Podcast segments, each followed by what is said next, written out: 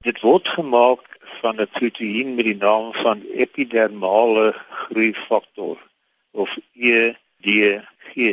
Hierdie epidermale groeifaktor is 'n normale proteïen in elke mens se liggaam en dit stimuleer selle om te groei. Dit is die funksie van hierdie proteïen. So die kibana het nou genoeg van die proteïen geïsoleer en 'n enstof gemaak wat in 'n mens ingespuit kan word sodat die mens weer op sy beurt teeliggaampies gaan maak teen hierdie enstof, hierdie epidermale groeifaktor. Hoe werk hierdie enstof in 'n persoon se liggaam dan?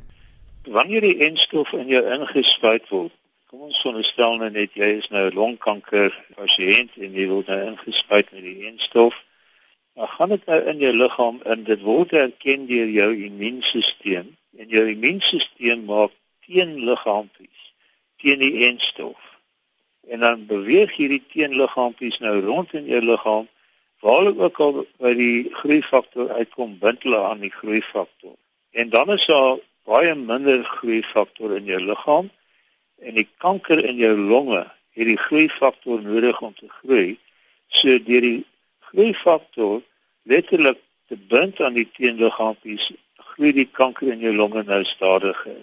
As jy 'n roker is wat longkanker alreeds het en jy neem hierdie inenting en jy besluit nou jy wil nog voortgaan om te rook, sal hierdie inenting werk of is dit iets wat jy nie moet doen nie?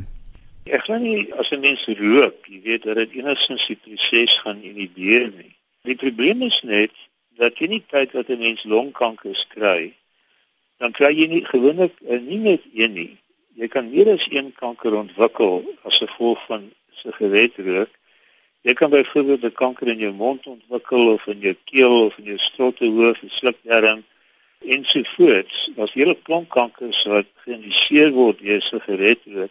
So die ironie van die saak is, uh, jy mag miskien 'n middel ontvang wat jou gewone longkanker onder kontrole hou, maar jy gaan aan met rook en jy indiseer 'n nuwe kanker wat moontlik glad nie reageer op hierdie behandeling nie. Het die enstof enige neeweffekte? Ja, kyk, dis nie net longkankers wat hierdie epidermale groeifaktor nodig het nie. Dit is nie in jou liggaam vir kanker nie, dit is in jou liggaam vir wesels. Epidermale wesels, die gladde selle wat die oppervlakte van vele organe in jou liggaam dek, het jy die hormoon nodig. Veral ook wanneer 'n wond moet genees, het jy stimulasie van epidermale selle nodig om die wondgenesing optimaal te laat plaasvind. En ek sien in die literatuur dat daar 'n bietjie van 'n debat aan die gang is oor of hierdie enstof die genesingsproses van wonde inhibeer of nie. Party publikasies sê dit gebeur wel dat die wondgenesing nie so goed werk nie en ander publikasies sê dat dit nie 'n probleem is nie.